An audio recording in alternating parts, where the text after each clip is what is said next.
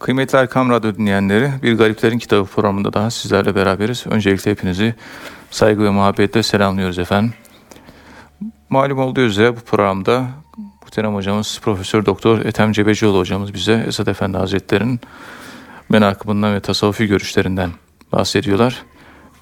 Efendim ben sözü fazla uzatmadan hemen hocamıza dönmek istiyorum. Muhterem hocam, Esad Efendi Hazretleri ölüm rabıtası yani ölüm sanal olarak sıkça manen yaşamak hakkında şu açıklamaları yapıyor. Ölüm rabıtası yapanlar yakınlarını kaybettiklerinde acısına dayanmaları kolay olur. Felaketlerin ağırlığı hafifler. Ölmeden önce ölümü yaşayarak ölümle dostluk kuranların ölümü de kolay olur diyor. Ve insanı huzursuz eden dünya sevgisi de azalır diyor. Bu şekilde ölüm rabıtasının yani ölümü tefekkürünün e, faydalarından bahsediyor.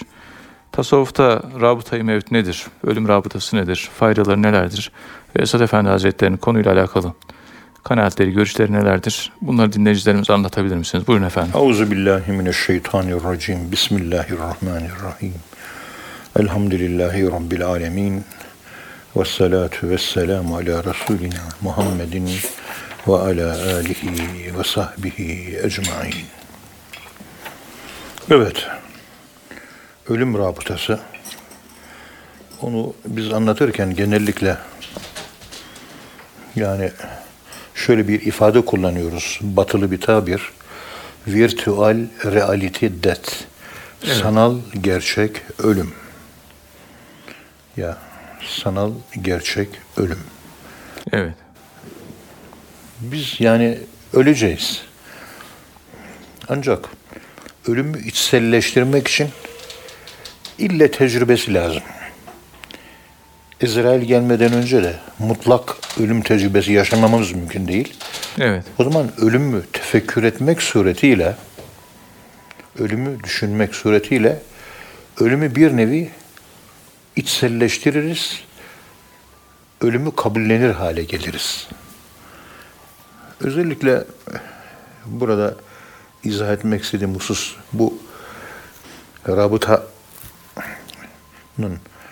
keyfiyeti üzerine özellikle sahipzade, Mehmet Sade sahipzade, Esat el Osmani el Osmani en Nakşibendi'nin yazmış olduğu Buğyetül Vahid fi Mektubati Hazreti Mevlana Halid adlı eseri var. Yani sahipzade Esad'ın. Evet. Orada 75. sayfada bir anlatım getiriyor. İbn Abbas radıyallahu anh rüyasında Resulullah'ı gördüğünü sallallahu aleyhi ve sellem müminlerin annelerinden birinin yanına girince Hazreti Peygamber sallallahu aleyhi ve sellem ona ayna çıkardığını aynaya bakınca orada Resulullah'ın suretini gördüğünü fakat aynaya bakmasına rağmen kendi şeklini, suretini göremediğini anlatır. Bu Sahipzade'nin anlatmak istediği rabıta, rabıtada fani olmak. Yani kendin kayboluyorsun. Kişiliğin eriyor. Çünkü kendi kişiliğin zayıf. Evet. Onun yerine daha güçlü bir inşaatla daha güçlü bir kişilik geliyor. Hal transferi sağlanıyor. Rabıtada, rabıtada fena bulmak işte bu anlamdadır. Bu da çok önemli bir şey. Kendi aradan çıkıyor yani insan. Evet. Rabıtada, rabıtada fani olmak denen husus. Kendisi aradan tamamen çıkıyor. Evet. Ve sahipzade e, bu konuyu izah ederken, anlatırken rabıtada anlatılmak istenen nedir? Müridin Allah'ta fani olan kamil şeyhinin ruhaniyetinden himmet yoluyla, dua yoluyla, manevi yoldan yardım evet. beklemesidir. Mürit terbiye edilebilmesi ve şeyhinden feyiz alabilmesi şeyhin gıyabında bile onun suretine çokça riayette bulunmalıdır. Mürit ancak bu şekilde şeyhin huzurundaymış gibi onu çağırır ve sanki huzurundaymış gibi ondan bir nur ister. Kendisini bu yolla da safsatadan, fenalıklardan korur. Bu inkara mümkün olmayan bir durumdur. Allah onu inkar edenin alnına hüsran olarak yazar. Ve o kişi öylece damgalanır. Günahtan ve Allah'ın rahmetinden mahrum olmaktan biz Allah'a sığınırız. Tabi Halid-i Bağdadi Hazretlerinin mektuplarıyla alakalı Evet. e, ona referans olarak gösterilen bir rabıta tarifi oluyor bu. Bir ruhani beraberlik yani çok önemli. Yani ne düşünüyorsan olsun diye bir kural var batıda. Evet. Ben en çok parayı düşünüyorum. Ben paradan ibaretim. Sen de Allah'ı düşünüyorsun. O zaman sen de Cenab-ı Allah manası içerisinde boğulmuşsun. Evet. Yani para düşünmeyeceğim, paranın manasında boğuldum. Sen de Allah manasında bulundun, boğuldun. Öyle söylüyoruz. Evet. İşte ölümle rabıta yapmak neyi ifade eder? Ölümün birinci karakteristik vasfı zamansızlıktır. Yani Ezrail canımızı aldı, ruhumuz bedenimizden ayrıldı. Ayrılınca beden zamanlıydı. Bitti. Ruh zamanlı mı? Yok. Zamanlı değil. Demek ki zamanlılıktan zamansızlığa sıçrama tecrübesidir ölüm. Ölmeden önce ölmek, yani ölüm rabıtası, bizi zamansızlık tecrübesini izafi olarak, göreceli olarak yaşatır. Evet. Ölüm rabıtası. Ölüm rabıtasında işte ölüyorum. Kefenliyorlar beni. Yıkıyorlar. Tabuta koyuyorlar. Camiye götürüyorlar. Er kişi niyet diyor- diyorlar. Namazım kılınıyor. Kabre konuluyorum. Melekler geliyor. Sorgu sual soruyor. İşte ondan sonra ahiret, hesap vesaire şu bu. Bütün bunları her gece Nakşi dersinde düşünerek sanal gerçek ölüm yaşıyoruz. Sanal gerçeklik, hakiki gerçeklik değil. Evet. Bu şekilde sanal gerçek ölümü yaşadığımızda bir tür transandantal ölüm duygusunu içimizde, kalbimizde hissediyoruz. İç alemimizde. Ruhumuzda yaşıyoruz. Yaşadığımız için bizde zamansızlığın tecrübesi meydana geliyor. Evet. Zaten uyku uyuduğumuz zaman ruhumuzun gittiği yer var. Yani Zümer suresi 42 nolu ayet-i kerimesinde Allah Estağfirullah Allahu yeteveffel enfise hine mevtiha velleti lem temut fi menamiha. Ölürken de uyurken de Allah sizi vefat ettirir diyor. Ayet bu. Demek ki uyku esnasında da biz öldüğümüz gibi vefat etme olayı yaşıyoruz. Evet. İşte o sırada biz uyku esnasında ruhumuzun gittiği yer misal alemi, ruhlar alemi. Modern kuantum teorisinde kuantum varlık alanında zamansızlık olan bir evrene gidiyoruz. Matematiksel evrendir bu, çoklu evrenler içerisinde Evet. hayal alemleriyle de bağlantısı vardır. Ama keyfiyeti bizce malum değildir. Hazreti Şeyh Ekber bazı açıklamalar getirmiştir. Onların ışığında biraz bir şeyler bilebiliyoruz. Keşfiyat bilgisine dayalı olarak. Acaba zamansızlık biz en boy yükseklik deterministik bir dünyada bu seküler yapı içerisinde time zaman yok. Acaba zamansız mekan olur mu? Evet olacak. Hesap gününde zaman öldürülecek. Ellezî halakal mevte vel hayate. Ölüm de mahluktur. Hayat da mahluktur. Tebareke suresi ayet 1. Veyahut da ayet 2. İkinci ayet. Ölüm de yaratılmış. Ve Hayat, ölecektir. Hayat da yaratılmış. Mahluk olduğu için ölüm de öldürülecek. Ölüm de ölecek. He, Bunu bizde bir zihinsel paradoks meydana getiriyor. Ölüm ölür mü? Bunu başka bir paradoksla anlatalım. Hayat canlandırılabilir mi? Hayat zaten canlı. Canlı canlandırılabilir mi? Evet. Canlandırılabilir mi? Yani bunları gündeme getirmek gerekiyor. Evet. Ölüm ölümdür. Yani öldürülemez ki zaten ölümdür. Ama ölümün öldürülmesi ahirette olacak. Ondan sonra Hazreti Yahya Aleyhisselam artık ölüm ölmüştür. Sümme la yemutu fiha ve la yahya. Ölüm yani zaman öldüğü için zamansızlığa geçiyoruz. Zamansızlığa geçince ölmek, dirilmek diye bir olay yok. Sümme la yemutu fiha ve la yahya. Evet. Artık o fihadaki ha zamirinin gittiği yere göre ahiret hayatında bundan sonraki hayatınızda ne ölmek var ne hayata gelmek var. Ölmek de değil, hayat da değil. Ölümle hayatın birleştiği yeni bir hayattır. Ölüm ile hayat birleşiyor.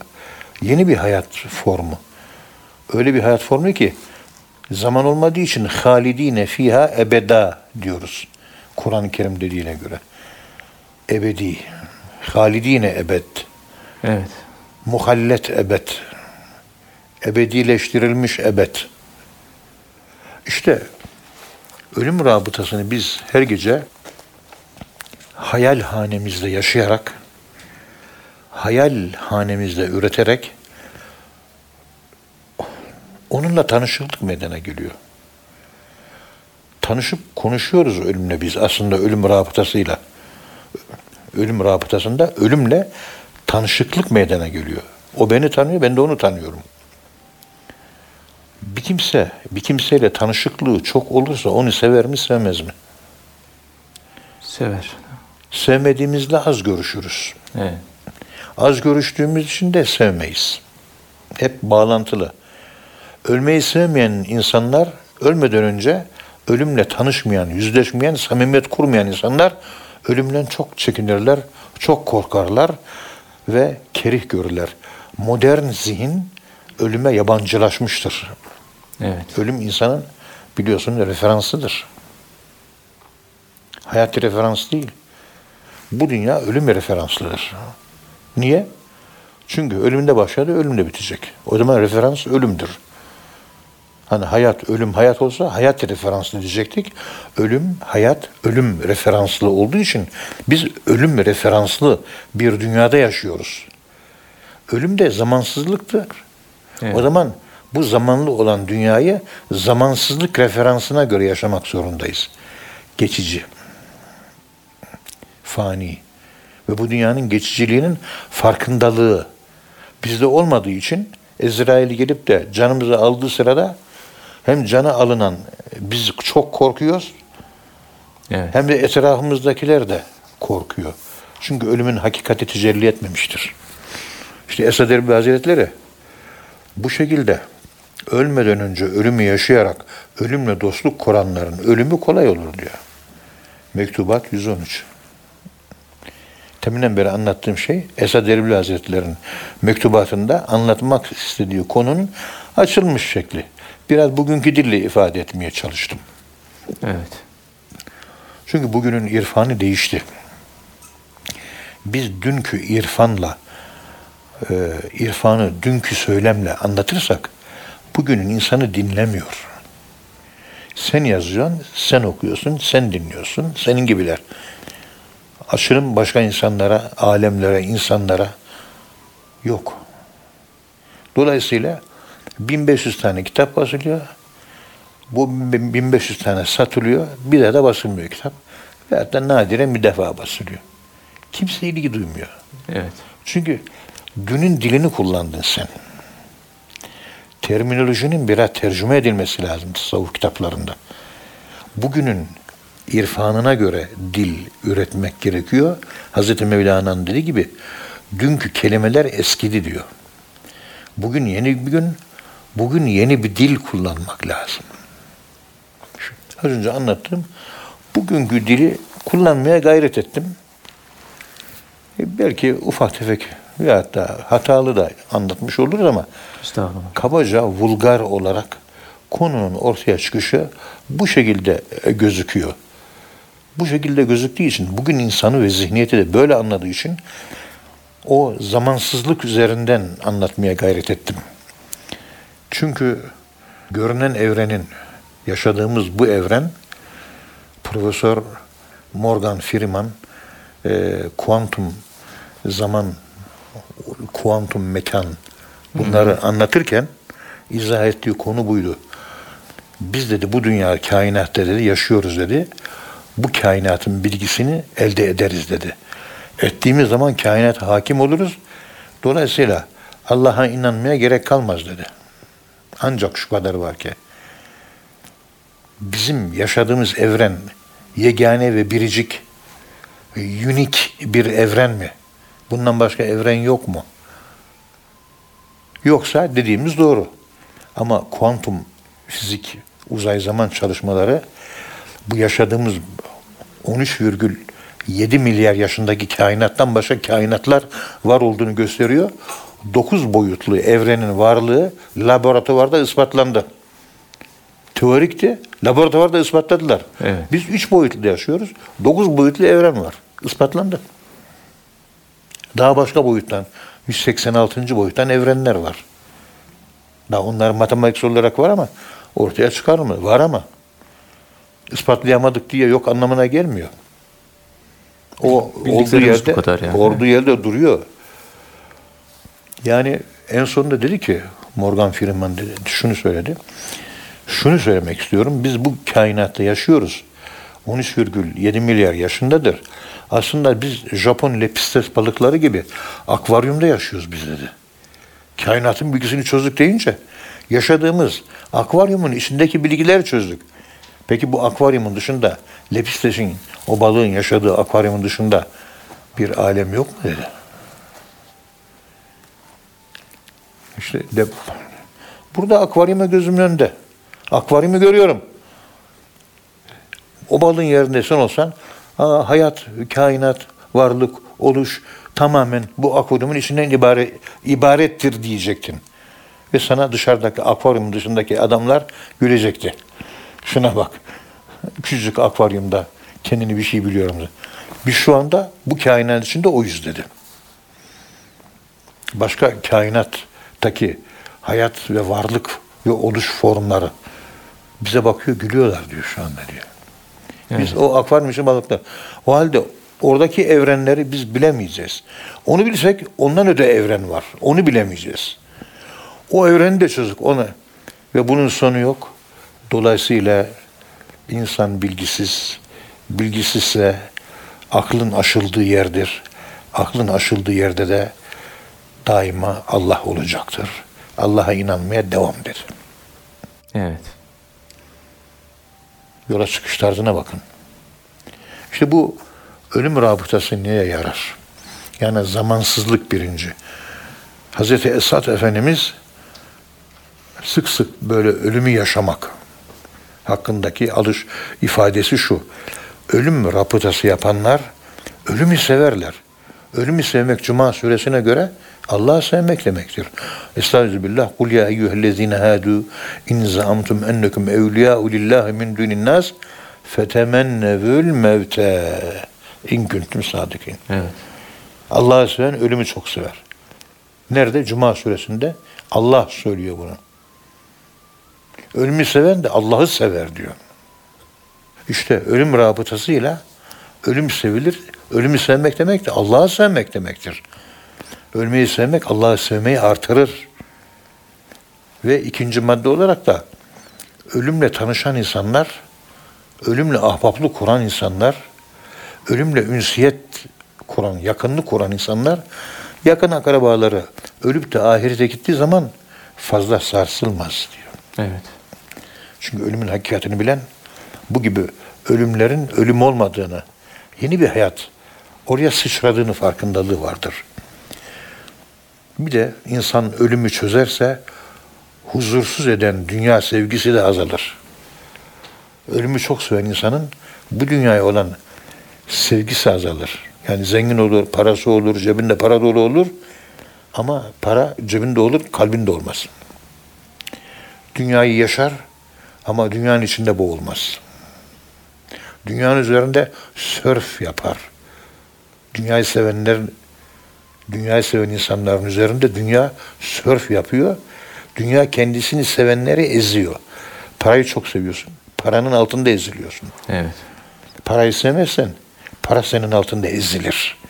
Olay bundan ibarettir. İnsanı huzursuz eden dünya sevgisi diyor. Tabii. Yani dünya sevgisi. Ölümü ölmeden önce yaşa. Ölümü öldür, öldür. Ölüm gelmeden önce ölenin ölümü güldür, güldür. Bismillahirrahmanirrahim. Evet hocam Allah razı olsun. Muhterem hocam Esad Efendi Hazretleri fena penceresinden bakarak insanı şöyle tarif ediyor. Diyor ki insanın sonu her şeyi yiyip yok eden kara topraktır. Yokluğun esaret perdesinde yok olmak üzere yaratılmıştır insan diyor. Yine insan iki ayağı üzere canlılığa kavuşturulmuştur diyor. Ve insan mahlukatın en hayırlısıdır diyor. Böyle bir insanı tarifi var Esad Efendi Hazretleri'nin. İnsan nedir? Yani Esad Efendi'ye bu ifadelerine bakarak da insan nasıl tarif etmek gerekiyor? E, dinleyicilerimize bunu anlatabilir misiniz? Buyurun efendim. Euzu billahi mineşşeytanirracim. Bismillahirrahmanirrahim. Elhamdülillahi rabbil alamin. Ve salatu ve selamu ala Resulina Muhammedin ve ala alihi ve sahbihi ecmain. İnsan nedir? Alexi Carrel, ünlü filozof, Amerikalı ve psikolog. İnsan bu meçhul diye kitap yazmış.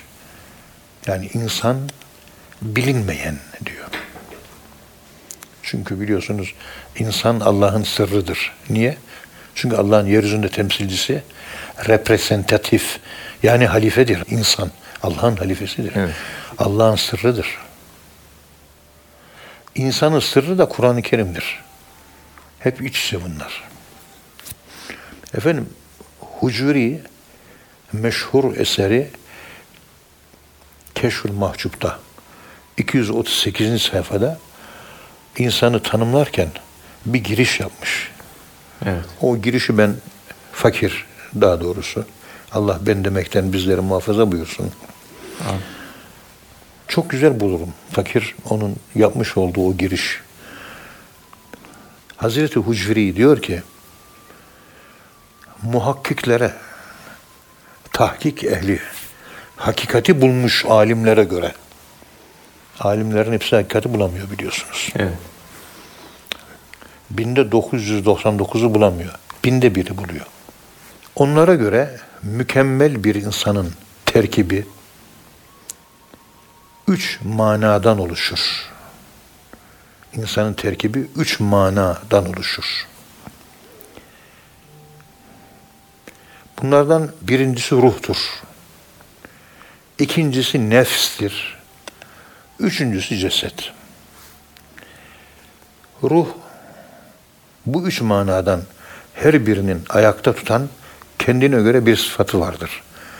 Ruhun sıfatı akıldır. Nefsin sıfatı hevadır. Cesedin sıfatı ise histir. Yani El, göz, duymak, görmek bu gibi duyu organlarıdır. Ruh, nefis ve ceset. Evet, Yani üç. üç. Üç şeyden Bunu müteşekkil çok var. güzel izah etmiş. Ruha bakıyorsunuz zamanlı değil. Bedene bakıyorsunuz zamanlı. Ben birisi zamanlı, biri zamansız. Evet. Ruh asla maddi değil. Tam zıttı. Madde de hiçbir zaman ruhani değil. Tamamen onun zıttı. Aradaki nefis ise hem cesetle bağlantılı, bedenle, maddeyle bağlantılı, zamanla bağlantılı, kabiliyeti var. Ona reel nefis demeye çalışıyorum ben. Tartışılır gerçi bu. Ama aynı nefsin zamansız olan ruhla da bağlantısı var. Daha doğrusu nefsin bedenle buluşabilme, görüşebilme potansiyeline sahip olduğunu görüyoruz. Aynı nefsin zamanlı beden ve madde ile olan teması kabiliyet olarak kendi olduğu gibi zamansız ve mekansız olan ruhla da temasa geçme kabiliyetinin ve potansiyelinin olduğunu görüyoruz Evet. ruh ile beden arasında katalizör görevi görüyor nefis. İki tarafa da açılıyor. El İnşa ve Devair adlı eserde insan bir zahir bir de batın olmak üzere iki nüshadan oluşuyor. İki parça, iki yönden oluşuyor.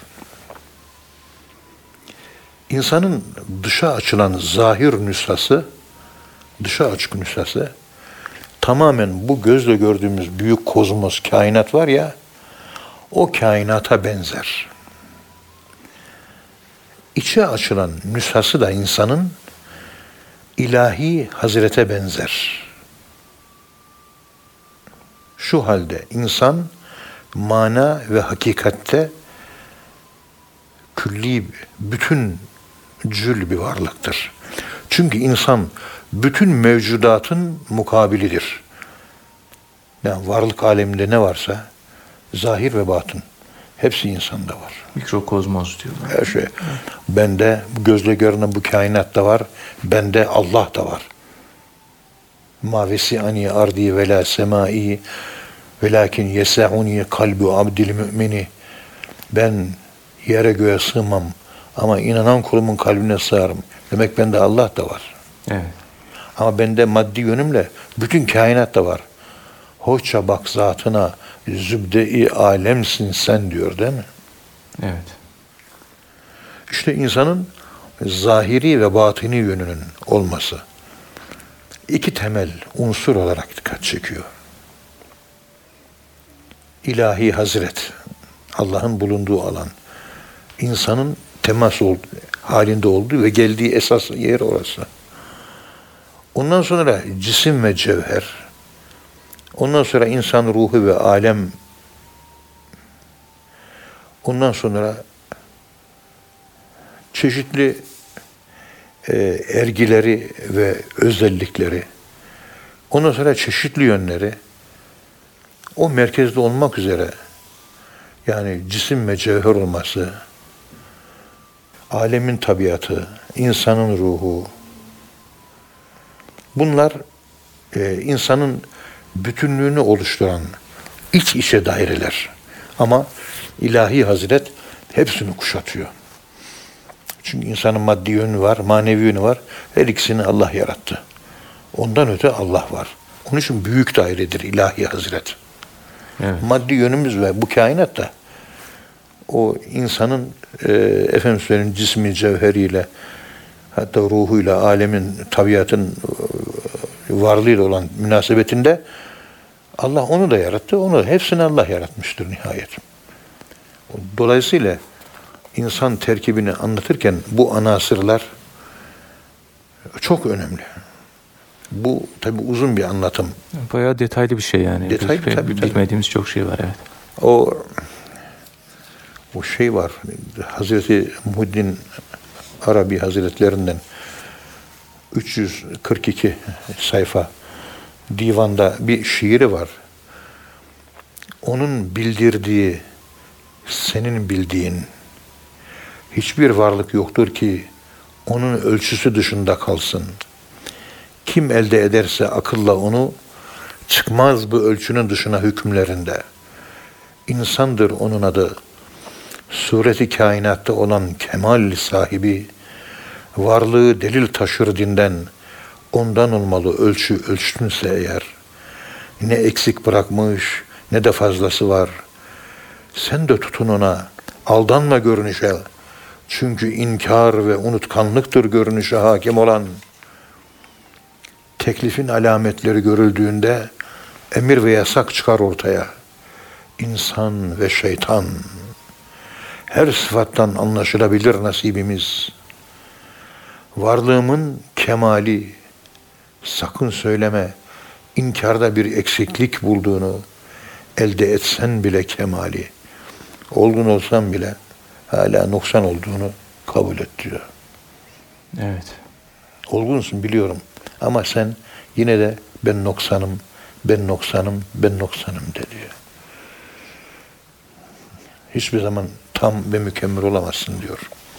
Evet hocam. İşte Hazreti Esad Esad, Efendi Erbili Hazretlerine dönersek. e, Sultanımız çok güzel bir yaklaşımla insanı tarif ederken o e, 115. mektupta dört skala, dört mertebe, dört derece tespit etmiş. Evet. Bir, insanın sonu her şeyi yayıp yok eden kara toprak olmaktır. Her insan sonunda toprağa girecek. İki, yokluğun esaret perdesinde yok olmak üzere yaratılmıştır. Şu anda biz insan olarak esiriz. Biz bilineniz. Bilinmeyenin esiriyiz biz. Bilinen bizden bilinmeyene doğru yolculuk yapıyoruz. Biz varlık diye bildiğimiz bir alandan yokluk denilen, adem denilen bir varlığa gidiyoruz. Evet. Ama yokluk bizim varlığımızı kuşatmış. Başımız ölüm, sonumuz ölüm.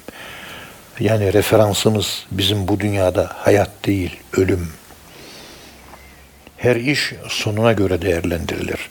Şu anda biz yaşama işlemini yapıyoruz. Yaşıyoruz. Sonu neyse bu dünyanın hakikati odur. Son ölümle bitiyor. O zaman sonumuz ölümle bitiyorsa bizim değişmez referansımız ölüm. O zaman ölüme göre hazırlık yapıp ölümle yüzleşmek, ölümü tanımak, ölümle tanışmak, ölümle ahbap olmak lazım. Evet. Değişmez referans o çünkü. Küntüm emvaten, sümme ahyaynakum, sümme numitukum, sümme yuhyukum. Ölüler idiniz, ölüler varoluşundaydınız, şu anda dirisiniz. Tekrar ölüm oluşuna geçireceğiz. Ondan sonra tekrar dirilik formuna kavuşacaksınız. Ama başlangıç nereden geliyor? Ölüm denen zamansızlıktan, bilinmeyenden, kara kutudan, akıl ötesi kargaşadan, akıl işi düzendir. Akıl dışı kargaşa bilinmeyen entropi. Evet. Oradan geliyoruz. O eski Yunan filozoflarından galiba Demokritos'un olacak öyle zannediyorum. Lux ex perennis. Işık karanlıktan gelir. Hayat ışığı var değil mi şu anda? Nereden geldi? Ölüm denen bilinmeyenden, karanlıktan geldi.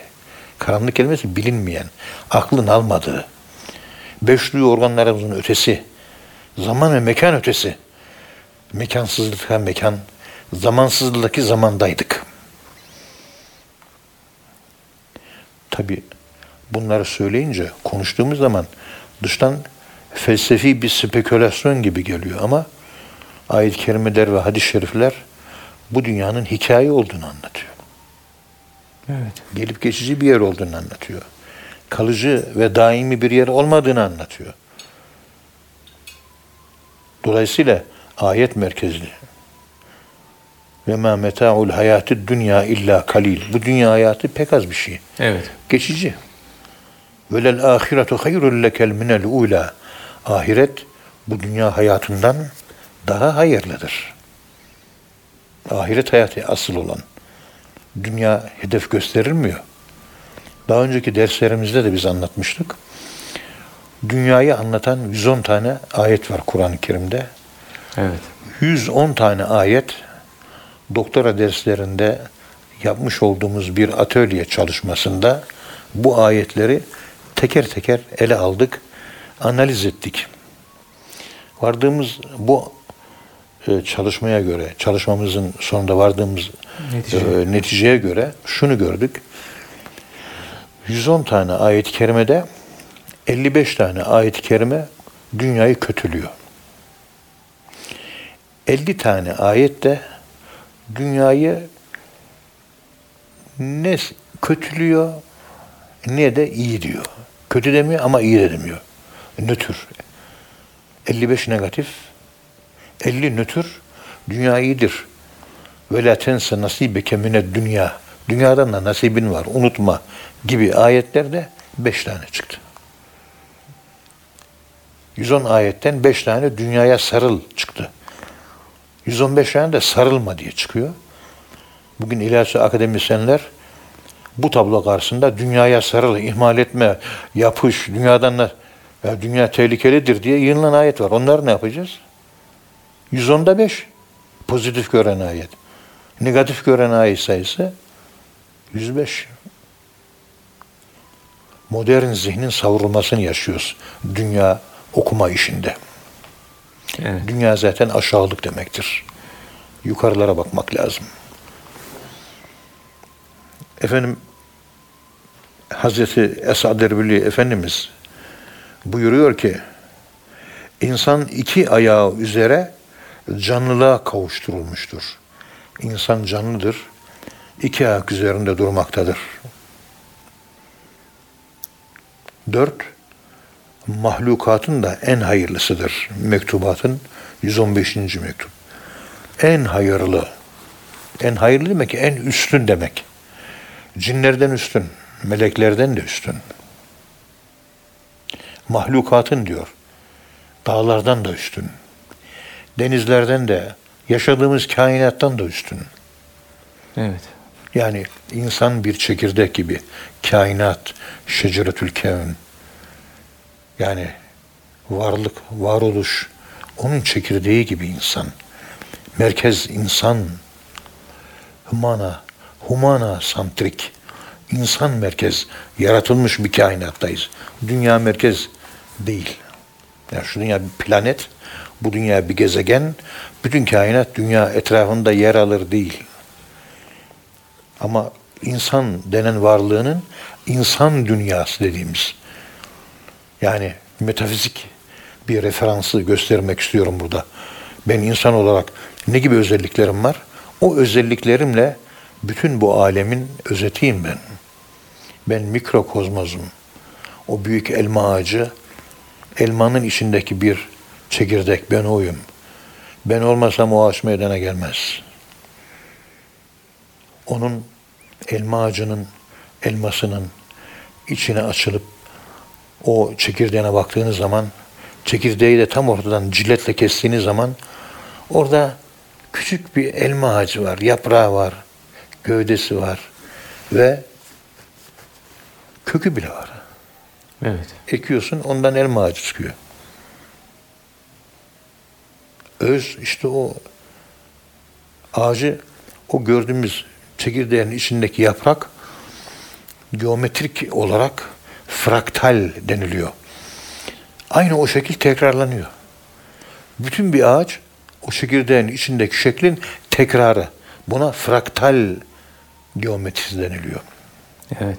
Aynı şeyin te- vücudumuz hücrelerinde de aynı bu fraktal geometri tekrar tekrarları var. Kainattaki yıldızların oluşumunda da var. Atomların dizilişinde de var. Aynı şeyin tekrarı. Allahü Teala'nın koymuş olduğu ben buradayım diye koymuş olduğu parmak izidir o çekirdek.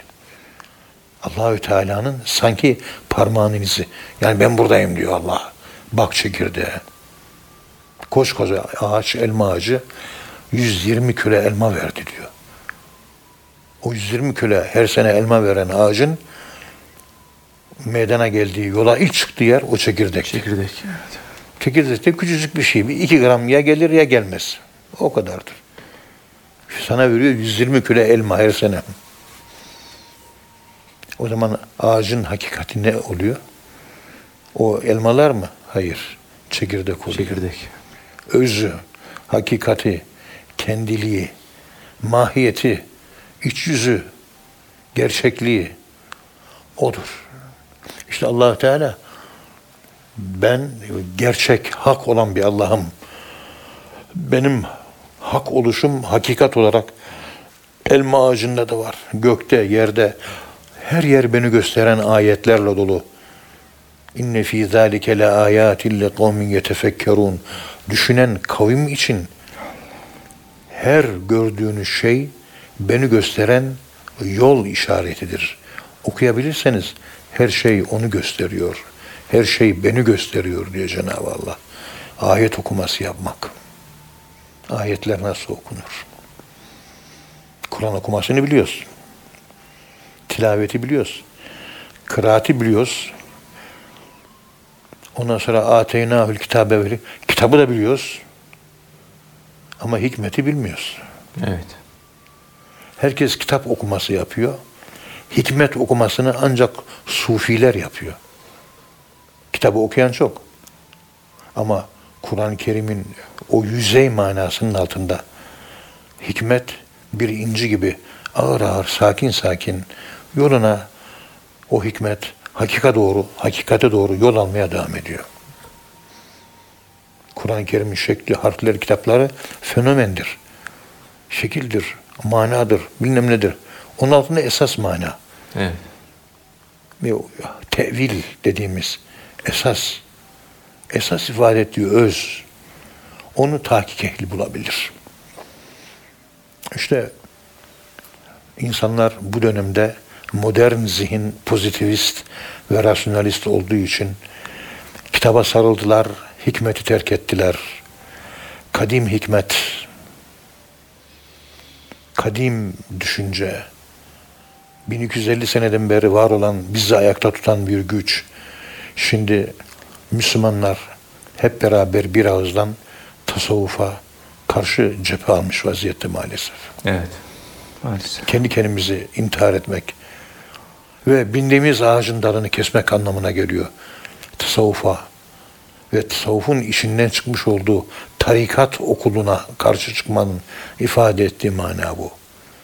Ancak şu kadar var ki tarikat şahit bir okulsa her okuldaki öğretmen, baş öğretmen maalesef aynı kalitede değil. Kaliteli öğretmenlerin sayısı bu devirde gerçekten azaldı. İmamı Gazali Hazretleri bir şeyhte aranılan standart ne olmalıdır? Bununla ilgili bilgi veriyor. O standarda sahip olan şeyhlerin sayısı inanın üçü bir şey geçmiyor. Ta 1970-72'lerde vefat etmiş mübarek Şeyh Maşuk Hazretleri İstanbul'da şöyle bir dört ay tedavi görüyor. Sene 1970. Bir zaman yolculuğu yapalım. Sene 1970'e gidelim. Aslın tedavisi görürken Şeyh Maşuk Hazretleri hazır ol. Peygamberimizin neslinden mübarek zat. Dört ayda 95 tane Nakşibendi tarikatı şeyhini ziyaret ediyor. İyileşemiyor. Ama şeyhlerle tanışıyor. İstanbul'daki önde gelen Nakşibendi şeyhleriyle tanışıyor. Memleketine dönünce halifeleri soruyorlar. Efendim İstanbul'da 95 civarında Nakşibendi şeyhini ziyaret ettik. Siz nasıl buldunuz bunları diye soru soruyorlar. Şeyh Maşuk Hazretleri diyor ki içlerinden bir tanesi hariç hepsi ya halife ayarında ya da mürit ayarında. Bir tane şeyh gördüm. Geri kalan hiçbiri şeyh değildi diyor. Kimdi efendim diyor soruyorlar. Mahmud Sami Efendi diyor. O şeyhti. Geri kalan gördüklerimizin hepsi seviye olarak ya halife seviyesinde veyahut da mürit seviyesinde. Bir taneydi diyor. Standart az önce şeyh profilini İmam Gazali çizerken bir standart çizmiş. O standart çok önemli. Osman hocamız da bu standarda işaret eden son zamanlarda güzel yazılar yazdı. Evet. Hakikaten o standardın yükselmesi lazım. Yani kötü insan yok içimizde. Hepimiz iyiyiz. Ama kalitede düşüklük var. Gerçek kaliteli şey sayısı görüyoruz işte ortalıkta her şey. Ya 3 ya 5 daha fazla değil. Yok. Kaliteler düşük. Yani karne 10 olması lazım. Karne 6, 7, 8, 9. Bazı, bazen oluyor. 5'ten aşağı düşüyor. Sınıfta kalan şeyhler de var. Onlara ben şeyh demiyorum. 5'en aşağı olanlara da ben müteşeyyih, uyduruk şeyh diyorum. İşte Hazreti Esad Efendimiz mübarek insanı tarif ederken sonunda toprak olacak. Yokluk perdesinin esiridir. Şu anda ayakta canlıdır ve mahlukatın en hayırlısıdır diyerek İnsanı bu şekilde tarif ediyor yani. insan bu alada yumak yumak örgü örgü keramet dolu. İnsan bu meçhul esfelde esfelde ilmek ilmek nedamet dolu. Bismillah. Hocam ağzınıza sağlık. Allah razı olsun. Muhterem dinleyenler, kıymetli hocamıza teşekkür ediyoruz. Bir program daha sonuna gelmiş bulunuyoruz. Bir sonraki programda tekrar buluşmak ümidiyle hepinize Allah'a emanet ediyoruz. Hoşçakalın efendim.